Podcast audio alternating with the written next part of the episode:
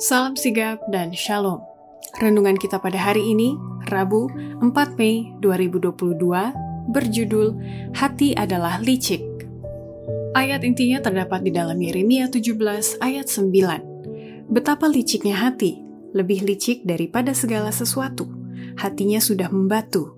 Siapakah yang dapat mengetahuinya? Pena Inspirasi menuliskan yang dimaksud dengan judul renungan kita pagi ini, hati adalah licik, dan makanya kita perlu mencari Tuhan, dan segala yang tidak berkenan baginya, jauhilah hal-hal ini. Ikuti kebenaran, agar kita dapat merasakan kasih Allah yang tiada bandingnya itu adalah sebagai berikut.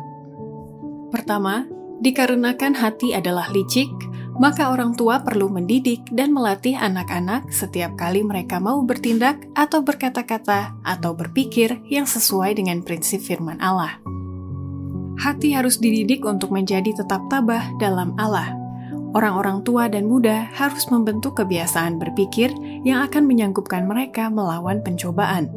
Mereka harus belajar memandang ke atas.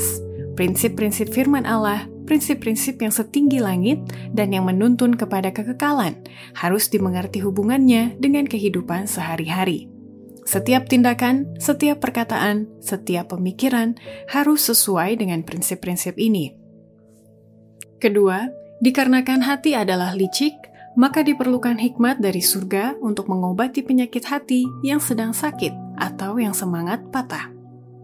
Hikmat besar dibutuhkan untuk mengobati penyakit yang disebabkan oleh pikiran.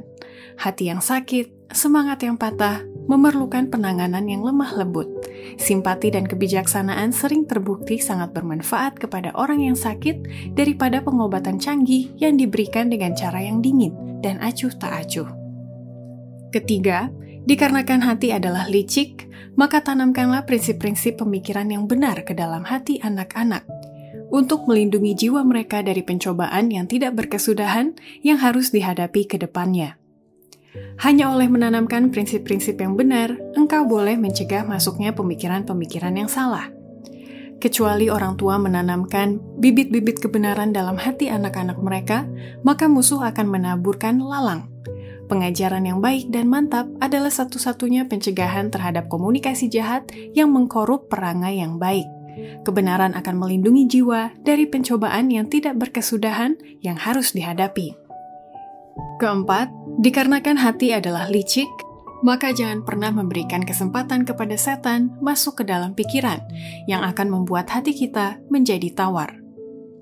Janganlah sesaat pun mengakui pencobaan setan sebagai yang selaras dengan pikiranmu. Jauhilah pencobaan sebagaimana kamu menjauhi musuh itu sendiri.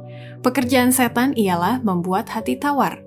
Pekerjaan Kristus membangkitkan semangat dengan iman dan pengharapan. Setan berusaha menggoyang keyakinan kita. Setan mengatakan kepada kita bahwa pengharapan kita dibangun di atas dasar yang salah, bukan di atas firman yang pasti dan kekal dari Dia yang tidak bisa berdosa. Demikianlah renungan kita pada hari ini. Kiranya Tuhan memberkati kita semua.